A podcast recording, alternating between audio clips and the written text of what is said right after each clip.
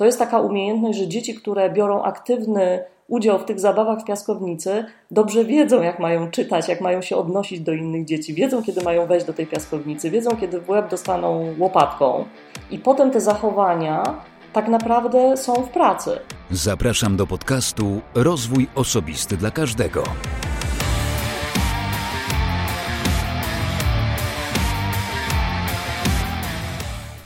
Ja nazywam się Wojtek Struzik, a Ty właśnie będziesz słuchał 94 odcinka podcastu Rozwój Osobisty dla Każdego, który nagrywam dla wszystkich zainteresowanych świadomym i efektywnym rozwojem osobistym. Gościem dzisiejszego odcinka jest Magda Kieferling. Ale zanim zaproszę do rozmowy, to tradycyjnie przypomnę, że w ostatnim odcinku, 93, moim gościem był Szymon Negacz, a z nim rozmawiałem o relacjach, o rozwoju i o nowoczesnej przedsiębiorczości, to tak w dużym skrócie. Więc jeśli jeszcze nie słuchałeś odcinka z Szymonem, to serdecznie Cię do tego namawiam. Zapraszam też do grupy na Facebooku Rozwój Osobisty dla Każdego, gdzie też możesz aktywnie uczestniczyć w życiu tej tworzącej się społeczności. No dobrze, to teraz czas na odcinek. Szkoda, że szybko zapominamy, jak byliśmy dziećmi, jakimi kierowaliśmy się zasadami i co przynosiło nam największą radość.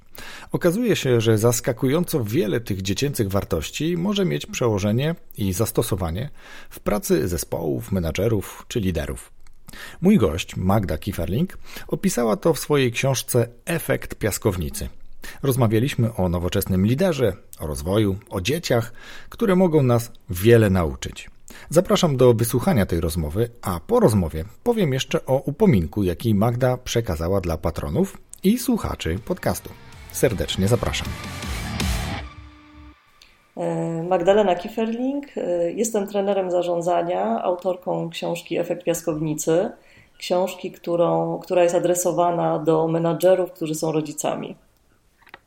Mhm lub będą, bo to myślę, że tak już jestem po lekturze tej książki, więc mogę powiedzieć, że ona niekoniecznie jest dla tych, którzy są rodzicami, ale o tym porozmawiamy sobie za chwilę, bo teraz zapytam Ciebie, co jest Twoją pasją albo jakie masz pasje? E, ta pasja się bardzo zmienia, e, zmienia się z wiekiem. Od mhm. pięciu lat moją największą pasją jest mój syn, bo to właśnie dzięki niemu rozwinęłam się zawodowo, jakkolwiek to dziwnie nie brzmi i rozwinęłam się więcej niż, niż to było kiedykolwiek wcześniej. Leopold mi dostarcza inspiracji, rozwija mnie, e, uczy mnie komunikacji i tak naprawdę dzięki niemu mogę poznawać siebie i, i, i też e, poznawać innych i rozwijać innych. I mam z tego olbrzymią frajdę, że, że, że wspólnie z nim mogę się przygotowywać do jego pracy przyszłości i do swojej pracy przyszłości, przy okazji ucząc o tej pracy przyszłości menadżerów. Mhm. Zgadza się. Ja już zanim zaczęliśmy się umawiać, a umawiamy się już dobrą chwilę, pierwszy termin nie wypadł zbyt dobrze i to z mojej winy, a na szczęście teraz się udało. Też nie powiem nie bez przygód, bo chwilę spędziliśmy na bardzo sympatycznej rozmowie, ale przy okazji rozwikłaliśmy jakieś nasze problemy techniczne, żeby to nagranie mogło dojść do skutku. To Cieszę się, że byłaś wytrwała i, i mierzyłaś się z tym dzielnie. Ale o książce bardzo chciałbym porozmawiać, bo tak jak powiedziałem, jestem po lekturze, podoba mi się, w ogóle lubię tego typu książki, a szczególnie jeżeli są tak ciekawe i życiowe konotacje. No ale mm, też chwilę rozmawialiśmy zarówno przed nagraniem, jak i, i trochę wcześniej. A ty powiedziałaś, że teraz też powiedziałaś, tak, że jakby twój Leopold y, wiele jakby ciebie nauczył i pokazywał mm, innym, czy jakby uczył też innego patrzenia na świat. Y, stąd jakby moje też pytanie, jak ty w związku z tym rozumiesz rozwój osobisty, bo to przecież jest jakby motyw przewodni tego podcastu. Uh-huh. Wiesz Wojtek, no, to jest, to jest w ogóle bardzo, bardzo trudne i bardzo złożone pytanie, ale jeżeli bym je miała maksymalnie uprościć, jeżeli bym miała Leopoldowi wytłumaczyć, co to jest dla mnie rozwój mhm. osobisty, bo ostatnio się w tym ćwiczę, jak wytłumaczyć dziecku rzeczy skomplikowane, to myślę, że jest to dla mnie uważność, bo jeśli codziennie mamy otwarte oczy i jesteśmy uważni, jesteśmy otwarci na to, co się dzieje, to rzeczywiście możemy dostać takie lekcje, których nie dostaniemy na żadnym uniwersytecie świata i na żadnym kursie świata. I mhm. myślę, że to, co właśnie daje nam dziecko, to jest to otwieranie oczu na rzeczy, na które normalnie byśmy nie zwracali uwagi. I pokazywanie mu takiego świata, który z jednej strony nam się wydaje, że, że już jakoś przeminął i że my nie chcemy wracać do tych, do tych czasów dziecięcych, Natomiast mhm. on mi pokazuje, że to, że to wracanie do do, do, początków, do początków, do takich rzeczy atawistycznych, do tego, co nam się podobało, co lubiliśmy, właśnie nieocenianie mm, i otwieranie szeroko oczu i patrzenie na ten świat takimi zdumionymi oczami, co się właściwie dookoła nas dzieje, to tak mhm. naprawdę nas popycha, popycha do, do rozwijania samego siebie, a przy okazji też do rozwijania dziecka. Tak. I to jest coś takiego, mm, bo twoja książka cały czas jakby tam są te refleksje związane z tym, jak Leopold uczył ciebie postrzegania tak naprawdę przez pryzmat i oczy dziecka postrzegania relacji zawodowych. I to jest bardzo ciekawy pomysł. Tak jak ciekawa jest Twoja reguła dotycząca, czy reguła, tak, mogę tak powiedzieć, dotycząca rozwoju osobistego, ale to, to mi się bardzo podoba, bo bardzo często dziecko jest takim e, motorem zmian, ale zastanawiam się, czy częściej jest motorem zmian, czy raczej częściej służy jako wymówka, tak? Czyli na przykład, że nie mogę czegoś zrobić, bo mam małe dziecko.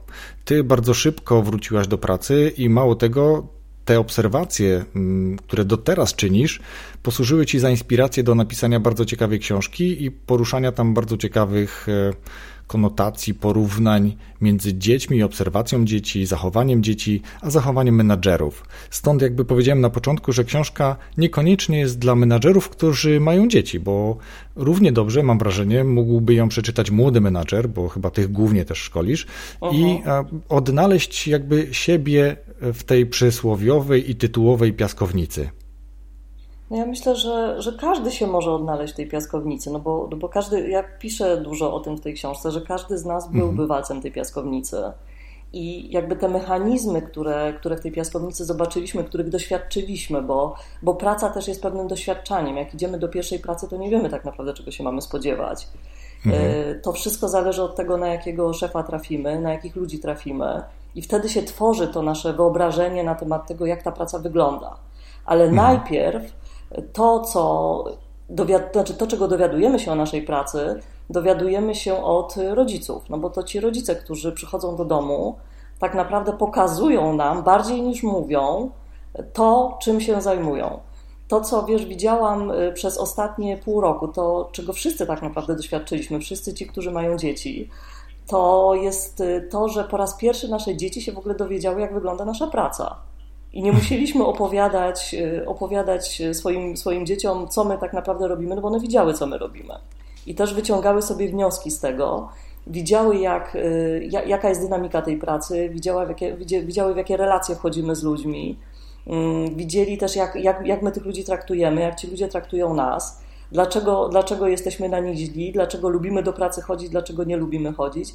Zobacz, że nigdy wcześniej tego nie było bo mhm. to były takie opowieści i dobrze, mamo, co robisz? Ja pamiętam, jak y, y, w zeszłym roku w przedszkolu mojego syna poproszono mnie, żebym przyszła i opowiedziała o swojej pracy. I miałam nieprawdopodobny dylemat, no bo jak opowiedzieć dziecku, że zajmuje się jakimś stykiem HR-u, PR-u?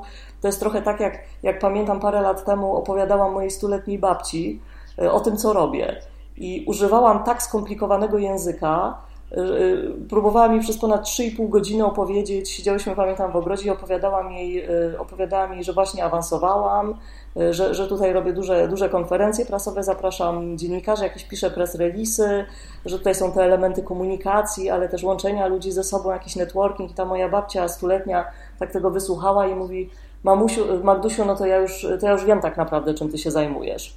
No ja z taką uwagą, słuchaj, ona tak podsumowała i mówi, no to ty jesteś sekretarką. No właściwie, właściwie no to tak.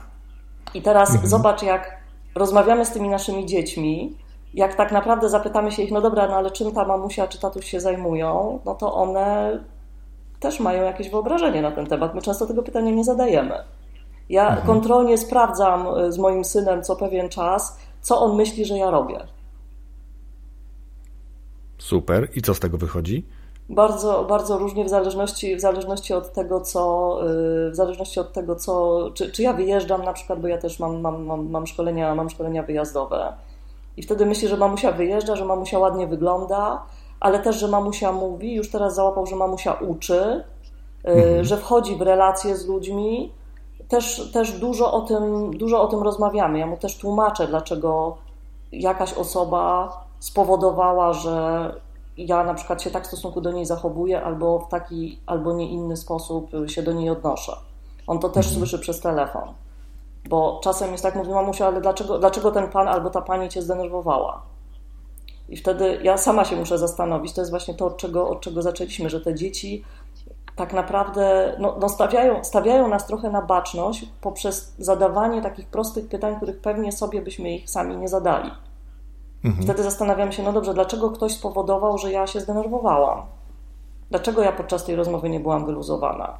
Co mnie spinało? Często jest tak, że, że te czynniki nie są związane z tą osobą, z którą my rozmawiamy, a na przykład z okolicznościami, które, w których, których jesteśmy. Co widać teraz bardzo, bardzo w COVID-zie. Miałam jedną menadżerkę, która mi opowiadała, że zwalniała pracownika z trzyletnim dzieckiem na kolanach. Ja sobie wtedy pomyślałam, Boże, no to, no to co to dziecko będzie myślało na temat tej pracy? Jeżeli z nią się działo, oglądało na Zoomie y, te, tego człowieka po drugiej stronie, y, ona to nieprawdopodobnie, nieprawdopodobnie przeżywała. Zamurowało mnie, powiem ci, bo zastanawiam się, na ile to musiało tak wyglądać, a na ile można było tego uniknąć, bo tak jak ty powiedziałaś z punktu widzenia dziecka, które na pewno coś może podświadomie zanotować sobie w głowie z tego całego wydarzenia, bo traumy powstają w bardzo młodym wieku, a to już trochę z pogranicza traumy, ale też y, zastanawiam się, jak czuł się człowiek po drugiej stronie, nie? To jest, y, no, nowum. No, ja myślę, że w ogóle ta sytuacja dla nas wszystkich jest, jest czymś nowym. My się próbujemy jakoś do niej dostosować, natomiast wiesz, no, są takie momenty, kiedy nawet jeżeli byśmy bardzo chcieli coś zrobić bez tego dziecka, po prostu nie możemy. Teraz mhm. dzieci poszły, poszły do przedszkoli, poszły do szkół, no zobaczymy, zobaczymy jak to długo potrwa, tak. czy nie wrócą, i czy to się nie skończy tak, że, że, że, że znowu będzie powtórka z rozrywki. Natomiast y, to takie pokojowe współistnienie w domu i takie zorganizowanie pracy, żeby te dzieci w ogóle w tym nie uczestniczyły. Nie wiem, czy to jest możliwe. No to chyba trzeba mieć bardzo duży dom albo, albo jakieś drugie mieszkanie i wychodzić po prostu do tego mieszkania do pracy. Bo w każdej innej sytuacji mhm. to dziecko będzie nas obserwowało. I teraz jest pytanie, czy to, co ono widzi, to jest, tak jak powiedziałeś, czy to powoduje traumy, czy dla niego to jest y, lekcja jakichś zachowań, lekcja, lekcja życia, bo, bo wydaje mi się, że takie wiesz, obserwowanie tego, co, co rodzice robią i dlaczego się zachowują w pewien określony sposób, i potem rozmowa, bo temu musi towarzyszyć rozmowa. Myślę, że bardzo często to, co robimy, to zachowujemy się w sposób bezrefleksyjny i nie potrafimy potem temu dziecku wytłumaczyć, dlaczego zachowaliśmy się w pewien określony sposób. Sytuacja, o której Ci opowiedziałam, jest sytuacją traumatyczną ona nie wyglądała tak traumatycznie, bo myśmy drążyły, drążyły, drążyły temat. To był sam początek COVID-u. Mm, to był, to był ten moment, kiedy myśmy sobie organizowali pracę i tak naprawdę nie byliśmy do końca pewni. Te dzieci na kolanach, bo, bo to nie była jedna, jedna osoba, którą znam, która pracowała z dzieckiem na kolanach, albo to dziecko po prostu bawiło się klockami obok i mimo wszystko to słyszało, no bo wiadomo, że dzieci mają gumowe uszy i, i wszystko słyszą, co my, co my robimy. Tu mhm. jest kwestia tego, żeby potem znaleźć ten czas, żeby z tym dzieckiem usiąść i mu powiedzieć, słuchaj, co się tak naprawdę stało. I myślę, że to jest taki moment dla nas bardzo ważny, bo, bo to jest taki moment, kiedy my sobie uświadamiamy, co, co my tak naprawdę robimy, dlaczego my to robimy, dlaczego my używamy danego języka, czemu robimy to w tym momencie. I taką, wiesz, taką sobie robimy psychoanalizę, która, na którą normalnie nie mamy czasu. Bo, bo normalny dzień y, wyglądał tak, że to dziecko chodziło, wstawało rano, jedliśmy jakieś śniadanie, szło do przedszkola, człowiek y, w tym czasie pracował, y, wracał z pracy albo, albo, albo pracował w domu i kończył tą pracę, szło się po to dziecko do przedszkola i potem zaczynało się życie. A teraz to dziecko, chcąc nie chcąc, no musi uczestniczyć w długim dniu i długim dniu pracy i nawet jeżeli ten rodzic jest w stanie wygospodarować sobie nie wiem, kilkanaście, czy nawet nie, znam takich ludzi, którzy, którzy podzielili to po prostu na takie sloty mm, mhm. i potrafią spędzać z dziećmi y, te dwie godziny w czasie normalnego dnia pracy, czego by normalnie w pracy nie zrobili, no to mimo wszystko jest to, jest to, jest to ten moment, kiedy to dziecko obserwuje, co my robimy. No i pytanie, czy to jest, czy my chcemy, żeby ono, żeby po pierwsze ono to widziało, i po drugie, czy ten stosunek do pracy, który mu pokazujemy, to jest ten stosunek, który my byśmy chcieli, żeby on potem miał, jak pójdzie do tej pierwszej pracy. Wiesz co, pojawił się tutaj taki ciekawy wątek właśnie teraz, który, który poruszyłaś, bo bardzo często zapominamy o tym, żeby rozmawiać z naszymi dziećmi, naszymi, bo ja też mam trochę bardziej odchowane dzieci niż twój Leopold, ale jednak zapominamy o tym, żeby mówić nie tylko z, z partnerem, z współmałżonkiem o tym, jak było w pracy, bo przecież rozmawiamy o tym, ale mówić też dzieciom właśnie, czym się zajmujemy. Ale tutaj jakby inny temat chciałem poruszyć, bo z kilkoma gośćmi rozmawiałem o tym, między innymi o typach osobowości, o różnych tam badaniach y, takich psychologicznych, czy jakby wspierających późniejszy rozwój, że bardzo często w domu jesteśmy mimo wszystko kimś innym niż w pracy. I teraz, o ile w domu pewnie jesteśmy trochę bardziej, mam nadzieję, mm, ludzcy, rodzinni, sympatyczni, empatyczni, o tyle w pracy y, menadżerowie szczególnie, a szczególnie starzy, starzem menadżerowie, jakby nie chcąc nikogo urażać, ale mam takie wrażenie i takie doświadczenia, oni bardzo często są absolutnie kimś innym. Oni wtedy wracają do, do takiej żołnierskiej niejednokrotnie powinności, do, do rozliczania, do kontroli, do realizowania poprzez jakieś cele i bez względu na środki niemalże, a już na pewno czasami nawet jak to bywało po trupach, tak się mówiło, tak, żeby Aha. zrealizować cel, projekt, cyfrę, wynik, target, jakkolwiek to nazywamy w różnych firmach, różnych mm, organizacjach. No i później wracamy do domu, no i znowu jesteśmy tym fajnym tatą, e, zmęczonym mężem, zmęczoną żoną, czy, czy jakby potrzebą, nie wiem, mamy potrzebę wygadania się o tym. No a tu w momencie, kiedy mówisz o pracy zdalnej, bo to dotyczy tych, którzy pracują wtedy z domu zdalnie i mają to dziecko, no to kiedy jest czas na to, że jestem albo tatą w pracy, albo tym menadżerem, który rozlicza? No nie ma czegoś takiego. I teraz jak jest, nie? Czy, a może jednak jest ten dualizm dalej? Czy masz jakieś obserwacje takie swoje na ten temat? Ja myślę, Wojtek, że tutaj, że to jest w ogóle rozmowa o pewnej spójności. I mhm. takiej spójności w ogóle życiowej, czy my chcemy, jak my chcemy być postrzegani, no bo wiadomo, że wizerunek to jest to, jak postrzegają nas inni, a nie jak my sami siebie postrzegamy. Mhm. Czy my, wiesz, ja tutaj nie widzę, nie, znaczy nie widzę sprzeczności, bo w momencie, kiedy to dziecko widzi, jak my się zachowujemy w stosunku do innych ludzi i my się w stosunku do tych ludzi zachowujemy w porządku, zgodnie z wartościami, które temu dziecku przekazujemy i zgodnie z wartościami, które popychają nas do tego, co robimy, to wydaje mi się, że, że jesteśmy w stanie no, tak funkcjonować, żeby, żeby to po prostu było spójne. I wtedy taki człowiek nie ma. Znam oczywiście taki typ menadżerów, o których, o których ty mówisz, którzy w tej pracy potrafią, no wchodzą w rolę, tak? No bo ludzie, ludzie w ogóle wchodzą tak. w różne role społeczne. O to mi właśnie chodziło. Mhm. Natomiast, natomiast myślę, że to no, no, chyba taki człowiek musi być przeraźliwie zmęczony, jak, jak, jak, jak musi, bo to jest, nie wiem, no dla mnie to jest taki rodzaj trochę gry, udawania, y, wiesz, zakładania masek, y, zachowywania się w zależności od y, sytuacji i, I tak naprawdę no, pytanie jest, kiedy ten człowiek jest sobą. Czy jest sobą w domu, no bo, no bo też ci rodzice chcą wchodzić w rolę, wiesz, dobrych rodziców i co to tak naprawdę znaczy.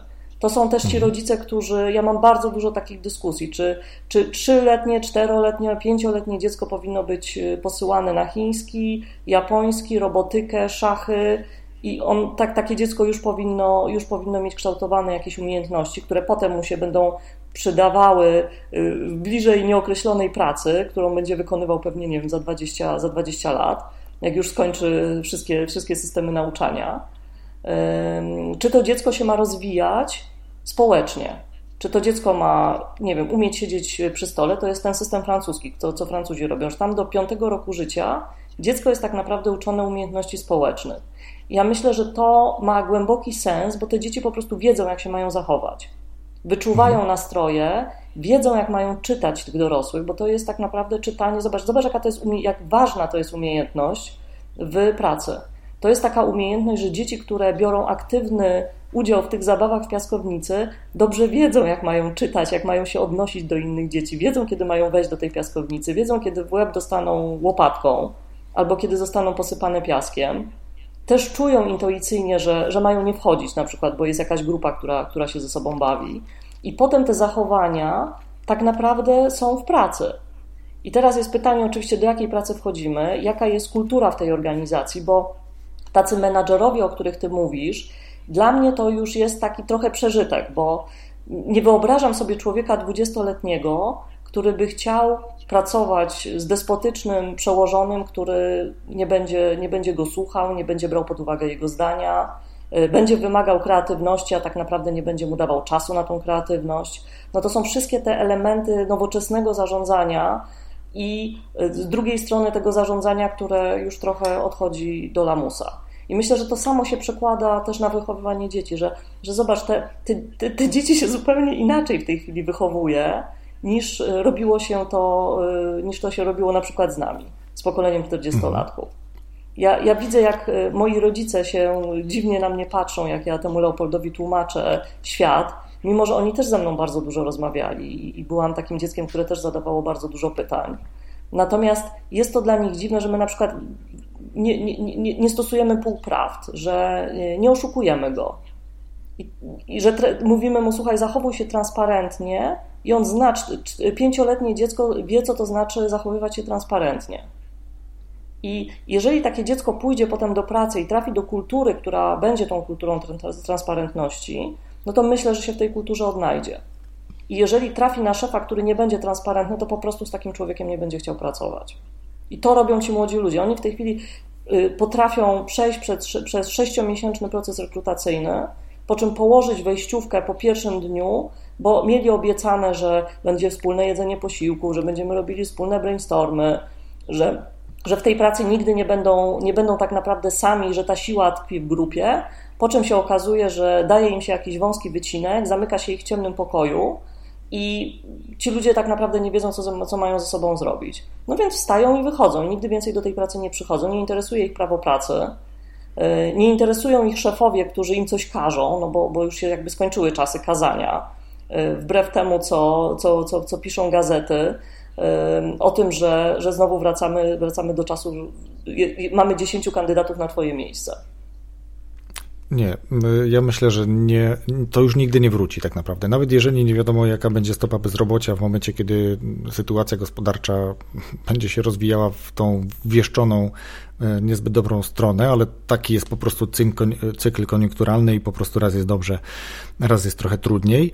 A mnie się wydaje, że to jest to, co ty mówisz, że teraz młode osoby, i to jest ta różnica między pokoleniami, bo my byliśmy trochę inaczej przygotowywani do pracy. Ten kult pracy, nawet obowiązek pracy był bardzo wcześnie zaszczepiany. Ja zresztą taki byłem też, że bardzo szybko chciałem iść do pracy, być trochę bardziej samodzielny, doświadczać tego, tego obowiązku pracy, czy też jakby zarabiania być może chyba bardziej.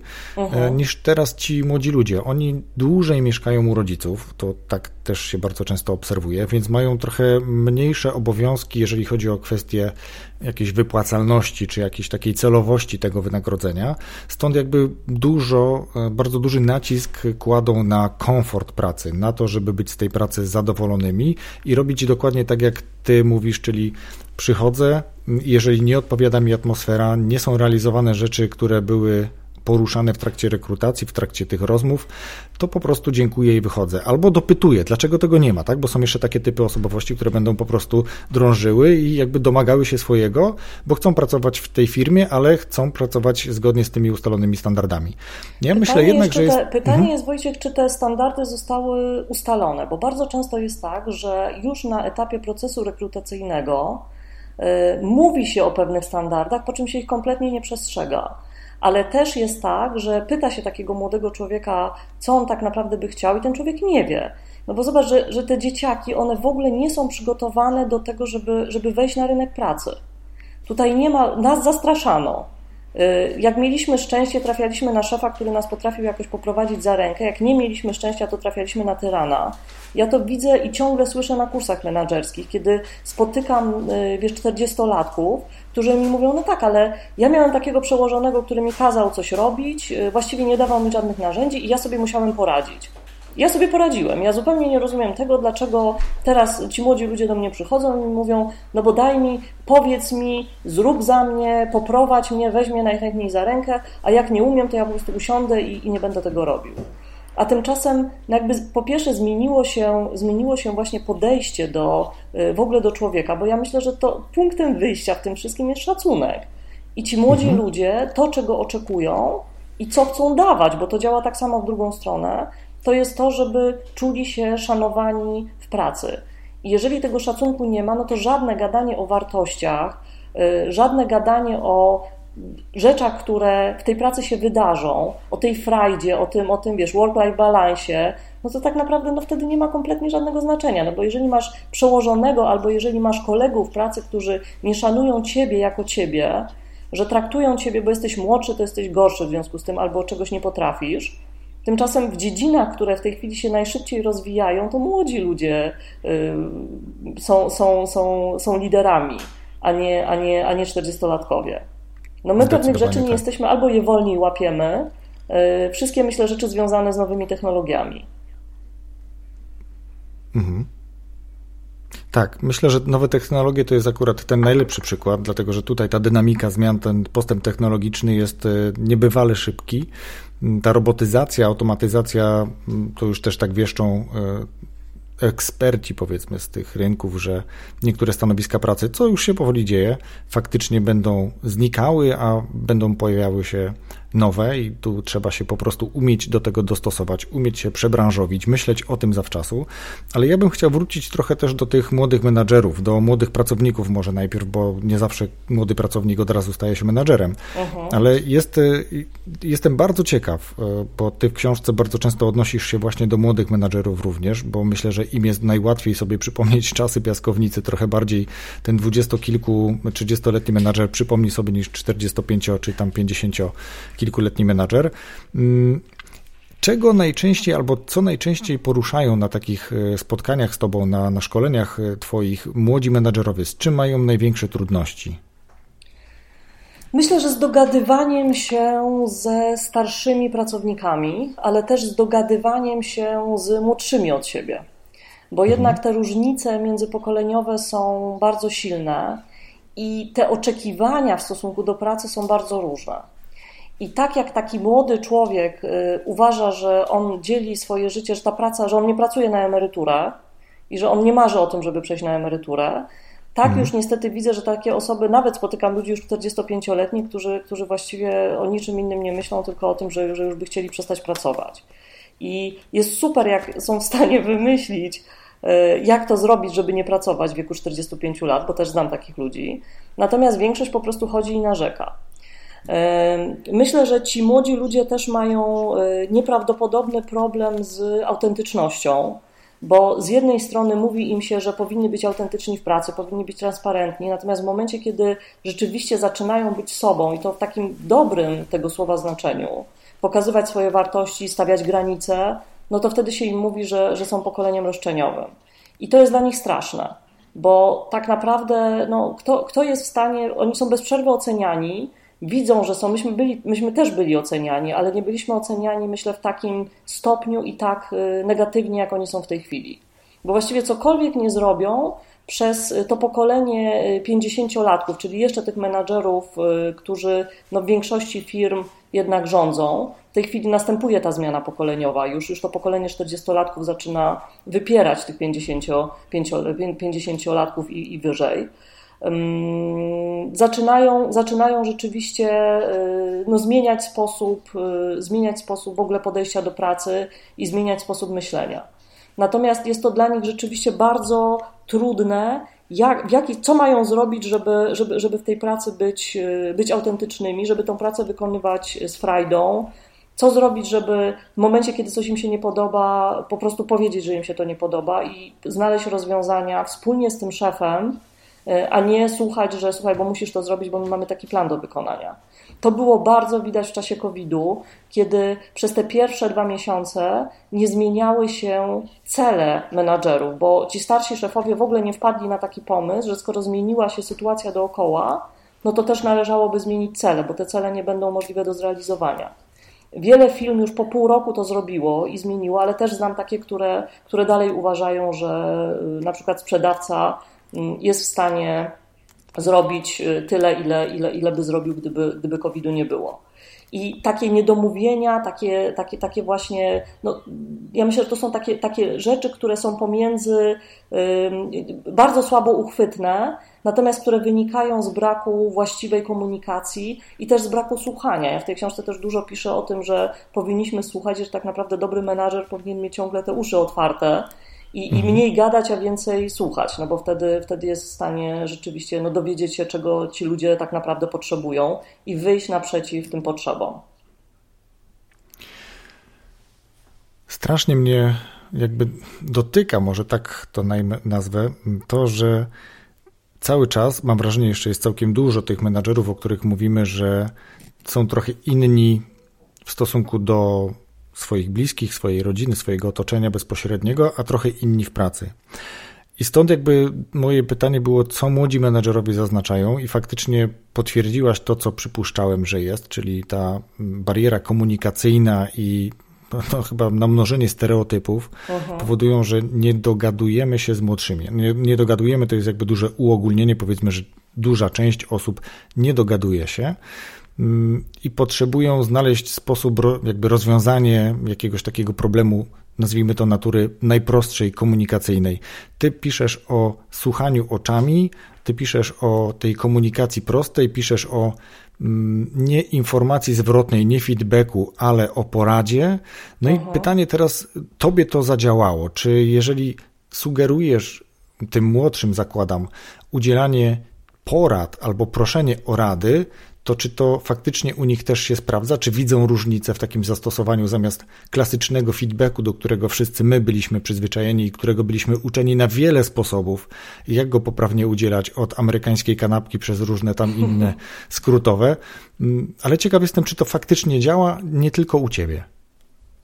E, działa, bo to jest jedna, jedna z tych metod, której e, uczę od lat i ludzie, ja myślę, że, że w ogóle słowo feedback jest takim wytrychem, bo my tak naprawdę no, używamy tego słowa, natomiast tu nie jest kwestia dawania tego feedbacku, tylko rzeczywiście posuwania spraw do przodu. I jeżeli myślimy jak, jak menadżer, jak szef, no to nam nie zależy na tym, żeby temu pracownikowi powiedzieć, co ty źle zrobiłeś, tylko mhm. zależy nam na tym, żeby ten pracownik wiedział, jak ma się zachować w podobnej sytuacji w przyszłości. I do tego to jest myślenie, dlatego mówię o poradzie, bo porada to jest wychodzenie w przyszłość, a nie wracanie do przeszłości. To jest tak jak z dzieckiem. No jeżeli dziecko coś zrobi, ono oczywiście zapamiętuje, że, że coś zrobiło źle, mm, natomiast w momencie, kiedy za, będzie następna sytuacja i ta sytuacja będzie lekko zmieniona, no to wtedy uruchomi się u niego proces myślowy i sobie skojarzy, dobrze, ja w tym momencie się zachowałem tak, to już teraz tego nie zrobię. Więc mhm. ja, ja w ogóle jestem dużym fanem myślenia, co, co, co, co, zrobić, żeby, co zrobić, żeby było lepiej, co zrobić, żeby udoskonalić te procesy, w których, w których funkcjonujemy w pracy. Ja nienawidzę, nienawidzę, jak mi ludzie mówią, nie da się, i to jest to takie słynne, ja to używam jako jeden wyraz, nie da się. Mhm. I myślę, że to nie da się jest też takim pokłosiem e, tego dawania feedbacku, no bo no co z tego, że ja komuś powiem, że coś, że coś źle zrobił, e, jeżeli ten ktoś nie ma motywacji do tego, żeby, żeby robić dobrze, a ludzie działają różnie, no ludzie mają różne konstrukcje psychiczne. E, na mnie na przykład też metoda, metoda kija i marchewki kompletnie nie działa, bo ona mnie demotywuje. I jeżeli ktoś nie potrafi we mnie obudzić takiej mobilizacji do tego, że ja coś chcę zmienić i ja chcę posunąć rzeczy do przodu, y, no to po prostu rezygnuję. I ja myślę, że to pokolenie najmłodsze, które w tej chwili jest na rynku pracy, robi dokładnie to samo. I to jest takie strasznie irytujące dla tych menadżerów, że oni po prostu siadają i mówią, no nie da się. Tymczasem ten menadżer nie zastanawia się nad tym, no dobrze, co ja mogę zrobić, żeby ich zmotywować do tego, żeby chcieli poszukać rozwiązań. I teraz zobacz, absurd w ogóle tej sytuacji polega na tym, że w każdym ogłoszeniu o pracę jest jedno magiczne słowo. Wiesz jakie? Nie. Kreatywność. I my oczekujemy od ludzi, ja mówię też jako, jako, jako, jako były menadżer, bo w każdym ogłoszeniu o pracę, które dawałam, była ta magiczna kreatywność. I potem ludzie przychodzili na y, rozmowy kwalifikacyjne, na rekrutację ja się ich pytałam, no dobrze, co kreatywnego zrobiłeś, zrobiłaś przez ostatnie pół roku? I oni wytrzeszczali na mnie oczy, no bo tak naprawdę co to znaczy? Jaka jest, jaka jest definicja tej kreatywności? I teraz od ludzi, od których się oczekuje, że mają być dobrzy w jakiejś jednej dziedzinie, w jaki sposób oni w tej dziedzinie mają być kreatywni, jak mają dwadzieścia kilka lat? Tak naprawdę kreatywni stajemy się dopiero wtedy, kiedy zaczynamy po pierwsze, współpracować z innymi osobami. To jest to, co uważam, że powinno się uczyć właśnie na kursach menedżerskich, jak współpracować, no bo kreatywność się rodzi ze współpracy. Rzadko mhm. kiedy ktoś sam jest w stanie wygenerować jakąś nową jakość, natomiast jest ją w stanie wygenerować, jeżeli inna osoba go zainspiruje. Mhm. Więc wydaje mi się, że tutaj, że tutaj y, no to jest takie trochę błędne, błędne koło, no bo my oczekujemy od tych dzieciaków, że one, że one nam będą przenosiły góry, tymczasem w ogóle im nie dajemy tej przestrzeni i mało tego, to co ja już widzę na poziomie przedszkola u mojego syna, ta kreatywność już jest zabijana w przedszkolu. To jest ten moment, mhm. kiedy mu mówią, słuchaj, nie wychodź za linię, dlaczego narysowałeś, to mieliśmy taką sytuację w zeszłym roku, dlaczego narysowałeś różowego słonia? I tłumaczenie, bo słonie są różowe, i ja je tak widzę, jest tłumaczeniem, które nie wpasowuje się w kanon stąd dotąd. Wczoraj czytałem książeczkę taką do bajkowego podcastu, gdzie śniło się dziewczynce, właśnie różowy słoń się śnił, więc ta kreatywność faktycznie, ale wiesz co, ja myślę, że nie tylko kreatywność, bo to co powiedziałaś to na wczesnym etapie edukacji, zarówno w przedszkolu, jak i w pierwszej, drugiej klasie zabijamy wiele rzeczy, nie tylko kreatywność, ale i pewność siebie i samoocenę potrafimy jako nauczyciele, mówię tu w liczbie mnogiej, choć nim nie jestem, obniżyć to temu dziecku i później mamy trochę, jesteśmy zaskoczeni, że ta młodzież właśnie nie jest taka pewna siebie, nie jest taka przebojowa, nie jest taka kreatywna, kiedy wszelkie narzędzia kreatywności zostały wyplewione Zabrane, już na samym początku. Dokładnie. Uh -huh. Ta piaskownica kończy się na etapie piaskownicy. Jak dzieci wychodzą z piaskownicy, to przestają być właśnie tacy relacyjni, przestają być empatyczni, przestają być kreatywni. Ale ja chciałem jeszcze powiedzieć o takiej jednej rzeczy, którą, o której ty mówiłeś, że ci starsi menadżerowie w momencie, kiedy młody pracownik zamyka za sobą drzwi, bo mówi, coś mi tu nie pasuje, odchodzę, to oni mówią, no nie da się. Nie widzą w tym, takie mam wrażenie też trochę, niczego po swojej stronie. Nie widzą, że jest to ich porażka, że jest to mm, coś, czego nie dopełnili właśnie jako menadżerowie. Nie zadbali o to, żeby ten pracownik odnalazł się w tej firmie i żeby realizował się zgodnie z tym, co mu obiecaliśmy, bo ty mówisz o kreatywności na rozmowach o pracę, na, w, trakcie rekrutacji, ale ja przypominam sobie rozmowy, na których ja byłem, ale też i ogłoszenia, które gdzieś współtworzyłem. Mam wrażenie, że zbyt wiele wypisujemy tylko po to, żeby to nie było zbyt krótkie, czego to my nie oczekujemy i co to nie jesteśmy w stanie dostarczyć. I teraz wiele jest takich firm, gdzie nawet na rozmowach o pracę miałem chwilę rozmowy po angielsku. Przy czym w jednej z firm, w której się zatrudniłem, przez całe trzy lata pracy nie musiałem w ogóle rozmawiać po angielsku, ani jednego maila napisać, z nikim rozmawiać. Więc po co my to robimy? Dlaczego oczekujemy kreatywności, na przykład w dziale księgowości, gdzie tam, no, powiedziałbym no raczej jest ostatnia rzecz, nie? No, no właśnie, tylko że to jest raczej ostatnia rzecz, bo wiemy, jak się skończyła kreatywna księgowość w przypadku niektórych spółek, szczególnie na rynku amerykańskim. Ale dlaczego my to robimy? Dlaczego w ten sposób konstruujemy rekrutację? Dlaczego tak przeprowadzamy rekrutację i na tym polu już polegamy jako pracodawcy, jako menadżerowie, bo już na starcie wiemy, że nie jesteśmy w stanie dostarczyć tego, co obiecujemy tym młodym ludziom. Mhm. Ja mam wrażenie, że mm, problem tkwi w tym, że po pierwsze sami nie wiemy, jakie mamy oczekiwania w stosunku do tej osoby. I po drugie, bardzo się boimy, że osoba, która przyjdzie do pracy, będzie lepsza od nas. I tego się boją szefowie w Polsce. To jest mhm. coś, co ja obserwuję. Y, wiesz, jest różnica między wychowywaniem, bo tak to nazwijmy, menadżerów na Zachodzie, w porównaniu do tego, jak to się robi w Polsce. Zobacz, że w Polsce jak mało jest firm, w których jest na przykład sukcesja, w których mhm. menadżer, który ma awansować, ma powiedziane: Słuchaj, nie będziesz awansował do momentu, kiedy nie znajdziesz osoby, która ciebie zastąpi na, na swoje miejsce. Mhm. No. I to wychowywanie, bo, bo, bo w tej pracy jest taki rodzaj wychowywania. No tak jak wychowujemy dzieci, tak możemy uczyć ludzi, którzy mogą przejąć nasze obowiązki, a my się dzięki temu możemy rozwijać. I to jakby w dwojaki sposób, no bo z jednej strony przekazywanie wiedzy i ten taki knowledge sharing, który, zobacz, w wielu y, anglosaskich, zwłaszcza firmach, jest, jest y, naprawdę wyciągnięty bardzo, bardzo wysoko. I ja pamiętam, bo w kilku takich firmach pracowałam, to było bardzo istotne i to był jeden z tych KPI tych celów, które ja miałam, z których ja byłam rozliczana, czy ja się dzielę swoją wiedzą. I to było bardzo mądre, bo nie było takiej możliwości, że jak ja zrezygnuję z pracy, to w tym momencie firma nie będzie mogła funkcjonować. A tymczasem w wielu firmach się w, te, w tej chwili tak dzieje, że, że menadżerowie jakby zawłaszczają sobie pewne obszary, bojąc się, że przyjdzie ktoś inny i, na, i im to zabierze. W związku z tym no nie, chcą, nie chcą przyjmować lepszych od siebie. Y, na przykład przyjmują ludzi, od, z tym angielskim mi się przypomniała, przypomniała taka historia.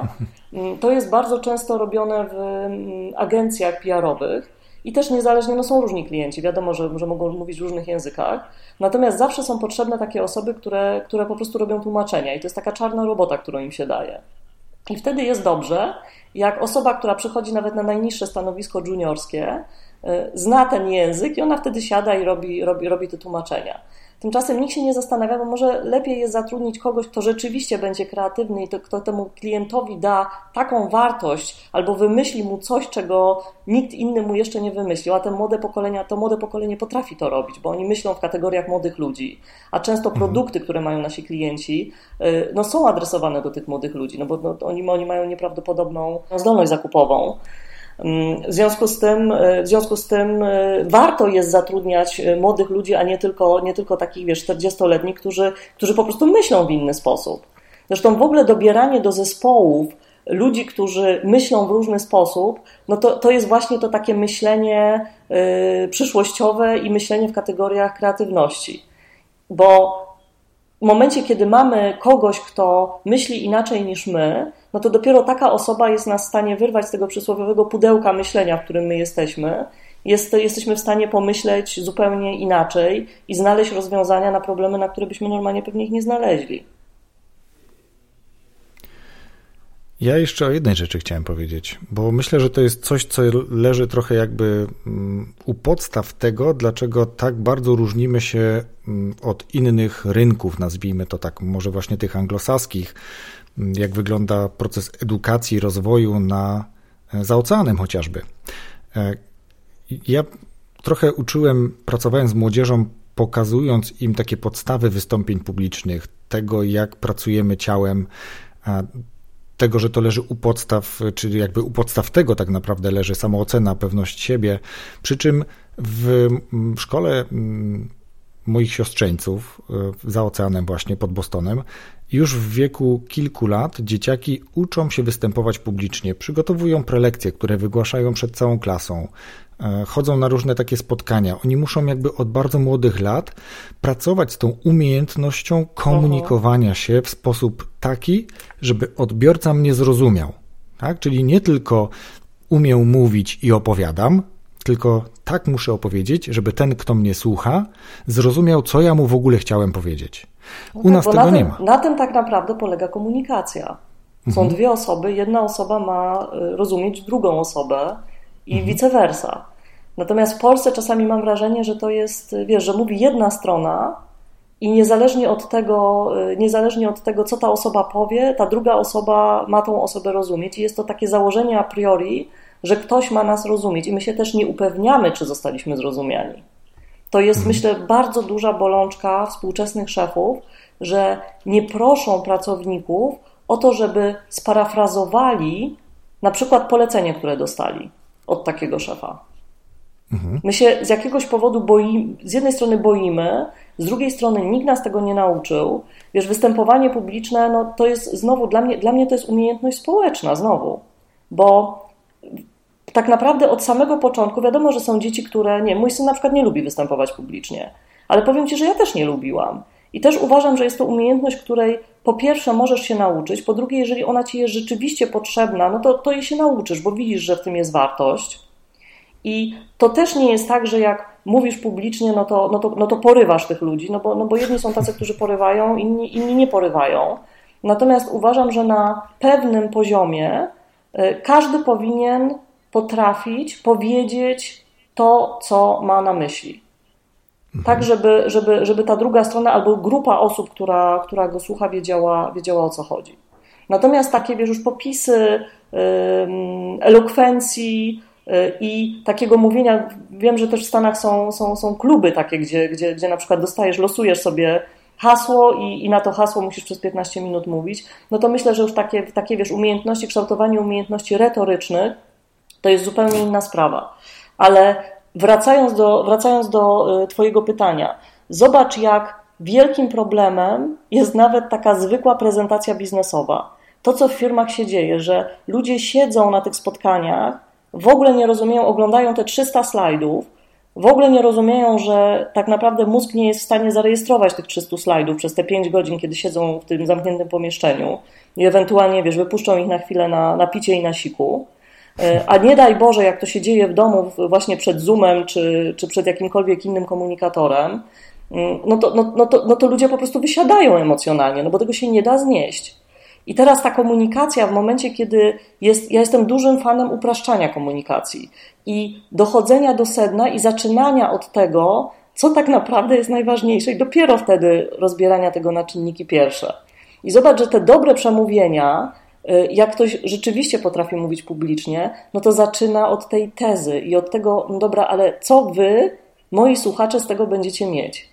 Tymczasem mhm. większość menadżerów zaczyna od początku świata, no bo chce udowodnić swoje istnienie i chce pokazać, że y, przygotowało się, właściwie odrobiło pracę domową. No i z czego to wynika? No wynika to z systemu edukacji, bo system edukacji y, działa tak, że ma być zrobiona przede wszystkim praca domowa. No i mhm. jakby wracamy znowu, wracamy znowu do korzeni. Zgadza się. Teraz szkoły zostały wystawione na próbę. Końcówka mm, końcówka tak, ubiegłego roku szkolnego pokazała, która szkoła, a mało która, potrafiła sobie poradzić z sytuacją nauczania mm, zdalnego na odległość. Notabene szkołę, którą ja skończyłem, uczelnię wyższą w Poznaniu, no też właśnie w tym roku kończyłem. Dopiero pomimo, że jakby był to tryb nauczania, mm, czekaj, to się ładnie mówi, zaocznie na odległość, tak? mhm. tak? czyli nie dość, że zaocznie, czyli rzadziej, to jeszcze na odległość, czyli nie musiałem być rzekomo na zajęciach, to dopiero w fazie koronawirusa e, faktycznie uruchomiono zajęcia online. E, ale muszę od razu powiedzieć, że zrobiono to kapitalnie, nie? czyli jakby stanęli na wysokości zadania. Natomiast w szkole moich dzieciaków no to już było bardzo różnie. Nie? Czyli od momentu, że nie było, nauczyciele nie wiedzieli, czy w ogóle uczniowie są na zajęciach, poprzez to, że w ogóle tam nie było żadnej edukacji, tylko tak naprawdę wysłanie jakichś zadań do zrobienia, bez sprawdzenia niejednokrotnie i tak dalej. Więc ja jestem wielkim fanem tego, że takie sytuacje, może niezbyt szczęśliwe, ale uczą nas radzić sobie no właśnie w trochę innej rzeczywistości. I teraz ten, kto jest kreatywny, bo o kreatywności mówiliśmy, ten, który nie, boi się, nie boi się udzielać informacji zwrotnej, czy też porad w, w nomenklaturze, której ty używasz, dużo chętniej i dużo lepiej wyjdzie na takiej sytuacji, bo będzie umiał zareagować na to, co się dzieje. A w momencie, kiedy trochę jesteśmy na to zamknięci. Kiedy ta piaskownica już jest dawno, dawno za nami, to być może faktycznie siądziemy sobie na schodku i będziemy się zastanawiać albo mówić, no, no nie da się. No, nie da się. Przyjdźcie, nauczcie, zróbcie za mnie najlepiej. No i to, to myślę, że to jest też taka bardzo duża różnica, która wynika z tych różnic pokoleniowych, o których też piszesz. Ale wiesz, no też to jest takie myślenie, ja bardzo często opowiadam tą anegdotę, takie myślenie stąd dotąd. Mi tą anegdotę opowiedział Janusz Głowacki, jak kiedyś e, z jakąś dziewczyną wchodził, chodził po górach i weszli na Giewont i on do niej mówi, słuchaj Zosia, zobacz jak tutaj jest pięknie. I ona tak się rozejrzała i mówi, no ale gdzie? A on spojrzał się na nią, wziął tak jedną rękę, drugą rękę i mówi: Słuchaj, stąd dotąd. I większość ludzi myśli stąd dotąd, bo mhm. myśli też, że takie jest w stosunku do nich oczekiwanie. I teraz wyjście poza te kanony, ja bardzo często pytałeś o to, czego menadżerowie, czego menadżerowie tak naprawdę najbardziej się boją i czego nie lubią. Mhm. Moment, kiedy łamią te kanony, bardzo często jest momentem y, końca ich kariery. I z jednej strony oczekuje się od nich, że będą właśnie kreatywni, że będą dawali nowe rozwiązania, natomiast potem, dając te nowe rozwiązania, okazuje się, że na przykład ich zespoły nie chcą pracować, no bo co to jest nowe rozwiązanie? Nowe rozwiązanie to jest więcej roboty. To jest kolejny mhm. projekt przy tym samym budżecie, no bo taka jest rzeczywistość w większości firm i tutaj się nie ma co oszukiwać i teraz zobacz, jak ci ludzie mają być kreatywni, gdzie oni mają szukać w sobie tej, tej energii i tego, że nie dość, że coś nowego wymyślają, to jeszcze muszą znaleźć siłę na to, żeby to zrobić. No bo to nie jest powiedziane, że jak ty coś wymyślisz, no to masz to zrobić. A w polskich firmach to niestety, niestety do tego zmierza. Także, także widzę, że i drugą rzeczą jest to, że w momencie, kiedy Y, zaczynasz wyrastać poza poziom, to zwłaszcza widać w korporacjach takich źle ułożonych, no bo są też korporacje, które są dobrze ułożone i te, mhm. rzeczywiście te, te reguły, które, które tam działają, y, są, są bardzo sensowne. Ale w takich, gdzie to jest źle ułożone, ludzie są po prostu skracani o głowę w momencie, kiedy zaczynają robić e, coś nowego, coś, co wychodzi poza te ogólnie przyjęte kanony. I najczęściej wtedy takie osoby mówią: Dobrze, no to ja się pakuję, jednak pojadę w te Bieszczady, bo to nie jest miejsce dla mnie. E, I kompletnie też nie rozumieją, co się z nimi dzieje, bo jest ciągle to oczekiwanie, no to bądźcie kreatywny, bądźcie kreatywni. I w momencie, kiedy oni zaczynają być kreatywni, no to, no to wtedy przychodzi ten szef i mówi, słuchaj, no ale tak naprawdę no to, no to już przegiąłeś, tak? To już nie powinno, nie powinno tak daleko, to jednak wróćmy do tego, co było, nie zmieniajmy i to status quo i to nie da się jest, jest jednak na porządku dziennym. Także myślę, że tutaj no, jest strasznie dużo takich sprzeczności i to też oczywiście zależy od, od, wiesz, od kultury, w której, w której funkcjonujesz, tej takiej korporacyjnej czy firmowej. To zależy od tego, y, jacy, jacy ludzie są dookoła. Czy mhm. rzeczywiście ci ludzie chcą coś zmieniać, czy nie chcą zmieniać, czy przychodzą do pracy tylko po to, żeby przychodzić do pracy. Bo ja obserwuję, że większość ludzi y, jednak idzie po to, żeby, żeby, żeby zarobić te pieniądze i naprawdę nie dokłada do tego jakiejś nie wiadomo jakiej ideologii. Nie myśli o jakimś work-life balansie, bo nawet nie wie, co to znaczy. Y, I to są takie trochę wydumki, wydumki coachingowe. Natomiast w momencie, kiedy, kiedy rzeczywiście zależy nam na tym i ta, jest wąska grupa ludzi, której, której zależy, żeby, żeby coś zmieniać, żeby popychać procesy do przodu, żeby wymyślać nowe produkty, no to ci ludzie muszą mieć szczęście trafienia na organizację, która po prostu takie wartości będzie kultywowała. Bo jeżeli mhm. trafią do organizacji, która to zabija, mimo że o tym mówi, bo często jest, na, na, zawsze jest tak. No ja nie znam Wojtek firmy, gdzie y, na stronie internetowej y, nie było napisane, że ona jest kreatywna, innowacyjna i tego typu, tego typu hasła. No większość firm taka jest. Właściwie, właściwie nie, nie, na stronie. Nie wiem, nie wiem czy, można, czy można by znaleźć w opisie jakiejś firmy, że, że, że, nie, ma takich, że nie ma takich cech. Tymczasem mhm.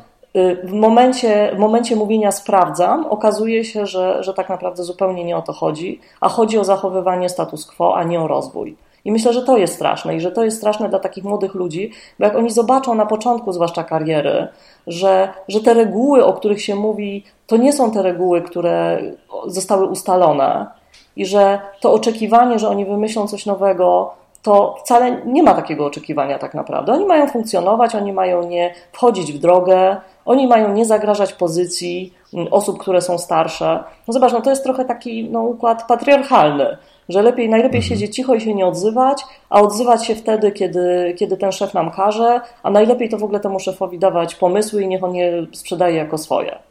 I absolutnie wtedy się nie upominać, że myśmy to wymyślili.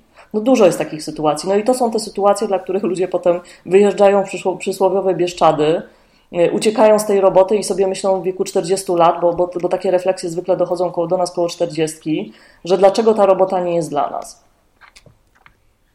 Hmm. Wiesz co, ale ja czytając Twoją książkę miałem zupełnie inne wrażenie. Czytając Twoją książkę ma się wrażenie, że tych firm, o których teraz przed chwilą mówiłaś, takich, takich właśnie patriarchalnych, takich e, z tym podejściem, gdzie menadżer nie liczy się z innymi, nie zależy mu na komunikacji, tylko na tym, żeby ktoś mu w drogę nie wchodził, jest już coraz mniej.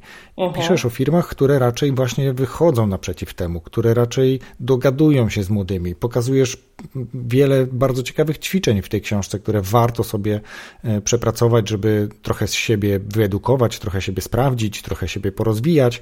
Więc ja myślę, że to jest też takie światełko w tunelu. Ja bardzo lubię czytać takie książki. Ja jestem trochę takim może naiwnym jeszcze dzieckiem, które wierzy, że, że to nastąpi bardzo szybko i te firmy, które mają niezbyt zdrowe, powiedzmy, podejście będą musiały je zmienić, bo tak jak powiedziałaś, no, menadżerowie wysokiego szczebla są zastępowani e, tym pokoleniem młodszym, które właśnie jest trochę bardziej empatyczne, które trochę bardziej wierzy w relacje i, i w długotrwały efekt tych relacji, a nie e, krótkie, jakby takie windowanie pewnych cyferek po to, żeby dobrze wypaść.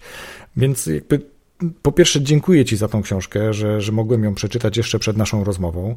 Dziękuję Ci też, słuchaj, za to, że wysłałaś tą książkę, bo już y, nie jeden patron zaciera ręce na, na tą książkę. Mm, więc to jest jakby, jestem za tym, żeby to propagować, żeby mówić o tym, co można robić lepiej, jak można jakby rozwijać siebie i, i osobiście, i zawodowo, żeby pracować lepiej, być lepszym człowiekiem trochę też tak naprawdę, bo to trochę o to chodzi. Mówiliśmy dużo o szacunku i myślę, że to jest podstawa tego e, w relacjach również zawodowych. Dlatego myślę, że Twoja książka to jest jakby jeden z elementów i jej tytuł i, i, wiele innych rzeczy pewnie podlinkuję też w opisie tego podcastu, ale to jest ten moment, kiedy Ciebie też chcę zapytać o to, być może czym się inspirowałaś, albo jakie inne książki, pozycje poleciłabyś e, słuchaczom tego podcastu, żeby mogli dalej ten temat trochę jeszcze pogłębiać? Hmm. Jest jedna, jedna taka książka, która y, przez ostatnie pół roku zrobiła na mnie największe wrażenie. I to jest książka byłego astronauty kanadyjskiego. Facet się nazywa Chris Hadfield. Y, książka ma tytuł Kosmiczny poradnik życia na Ziemi. I to jest tak naprawdę książka o życiu we współczesnej korporacji. Jak to powinno wyglądać? On opisuje, w jaki sposób Kanadyjczyk dostał się, mhm. w ogóle poleciał w kosmos. Co, co, co, co, co, co, co nie jest takie oczywiste, no bo wiadomo, że w kosmos latają Amerykanie, Rosjanie i Chińczycy, czyli ci, którzy na te programy kosmiczne mają najwięcej, najwięcej pieniędzy. E, mhm. To jest książka o tym, dlaczego w dzisiejszym świecie niczego nie osiąga się w pojedynkę. To jest książka o tym, w jaki sposób sprawdzać, czy pasujemy do danej pracy. On opisuje, że zanim poleci się w kosmos, wiadomo, że to jest taki ekstremalny przypadek, ale to jest coś, o czym ja bardzo często mówię, czy my wiemy, czy pasujemy do pracy, do której idziemy. I mhm. czy my mhm. to sprawdzamy? Czy my sprawdzamy tych ludzi, bo w dzisiejszym świecie naprawdę bardzo dużo możemy się dowiedzieć o, o tym przyszłym pracodawcy, ale nie jako o firmie, tylko o ludziach, którzy, którzy tam pracują. To jest ta twoja I to jest też książka o tym, że uczymy się przez cały czas, bo on jako człowiek, który tak naprawdę może spijać śmietankę, bo w tym kosmosie y, był chyba dwa razy z tego co pamiętam.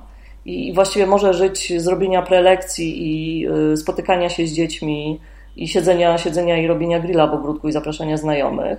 Nadal tego nie robi, bo ma tą potrzebę dzielenia się wiedzą, ma tą potrzebę też pokazywania tym młodym astronautom, którzy, którzy polecą w kosmos, na co oni powinni zwracać uwagę.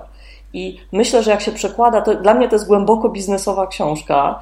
Y, ona jest y, napisana bardzo lekkim językiem, natomiast w momencie, kiedy człowiek sobie myśli o takiej sytuacji ekstremalnej, ja bardzo często też swoim studentom robię takie ćwiczenie, żeby pomyśleli o ludziach, z którymi pracują i teraz sobie wyobrazili, które z tych osób, na przykład wybrali pięć albo, albo, albo trzy osoby, z którymi by polecieli w kosmos. Mhm. Biorąc pod uwagę, że w tym kosmosie będą z nimi, będą z nimi musieli przebywać przez, przez najbliższe trzy lata. I wtedy nagle dochodzimy do wartości, nagle dochodzimy do tego, co nas trzyma w tej pracy, w której jesteśmy. Czy ci ludzie, z którymi pracujemy, to są właściwi ludzie? E, I wtedy się zastanawiamy, co jest dla nas ważne. No, rzadko, mamy, rzadko mamy czas na, na tego typu refleksje.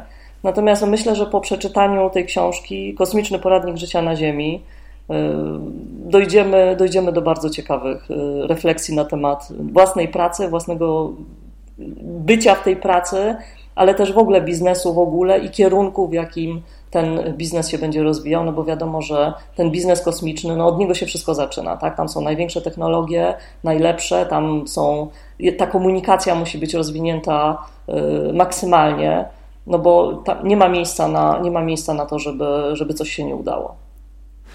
Ty mówisz o refleksji. Ja myślę, że taka refleksja może się pojawić nawet w trakcie czytania Twojej książki. U mnie taka na pewno się pojawiła. E, dobra, powiedz w takim razie jeszcze, gdyby słuchacze chcieli e, zobaczyć, co publikujesz, e, co publikujesz w sieci, skontaktować się być może z Tobą, to gdzie najchętniej odesłałabyś ich? Ja bardzo dużo publikuję na swoim profilu LinkedInowym i myślę, że to jest taki najlepszy najlepsze miejsce, gdzie jeżeli ktoś chce poczytać i zobaczyć, co robię, czym się zajmuję, co mnie inspiruje, bo też traktuję ten LinkedIn jako źródło y, inspiracji, jako źródło wymiany informacji i szukania też informacji na, na te tematy, które mnie interesują. A jest ich mhm. bardzo dużo, bo, bo, bo jest to począwszy od takich y, rzeczy związanych w ogóle z biznesem, właśnie przez psychologię, E, ale też, e, no zobacz, inspiracji, inspirację też można znaleźć w kosmosie, także też obserwuję ludzi, którzy w, kosmosie, w ten kosmos latają. Także myślę, że myślę, że w ogóle, że w, ogóle w, tej, w tej chwili nie inspirujemy się ludźmi, którzy pracują w tych samych dziedzinach, w których my pracujemy, tylko właśnie w dziedzinach totalnie od czapy, które nie łączą się z naszymi dziedzinami. I to jest, i to jest piękno tego, tego, tego świata, ten LinkedIn to daje. Także zapraszam, zapraszam na swojego LinkedIna, zapraszam na swoją stronę internetową, tam, tam są informacje e, na temat kursów. Super. To ja Ci w takim razie bardzo dziękuję za rozmowę, a w opisie podcastu, podcastu o, zamieszczę wszystkie te linki do Twoich stron, do Twojej książki, do książki, którą również poleciłaś. Bardzo Ci, Magda, dziękuję. Bardzo dziękuję. Pozdrawiam. Rozwój osobisty dla każdego.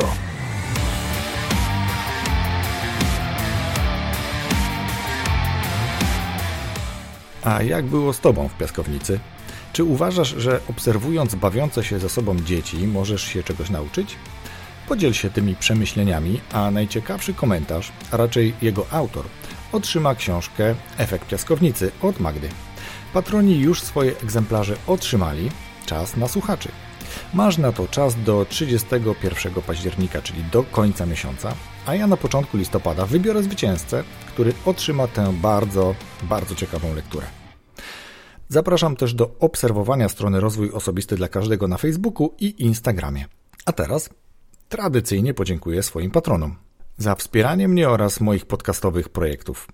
I ja w zamian za wsparcie Mm, poza realizacją oczywiście deklaracji z wybranego progu, mogę od czasu do czasu przekazać kilka egzemplarzy książek od moich gości, co myślę, że jest świetną sprawą dla miłośników rozwoju osobistego.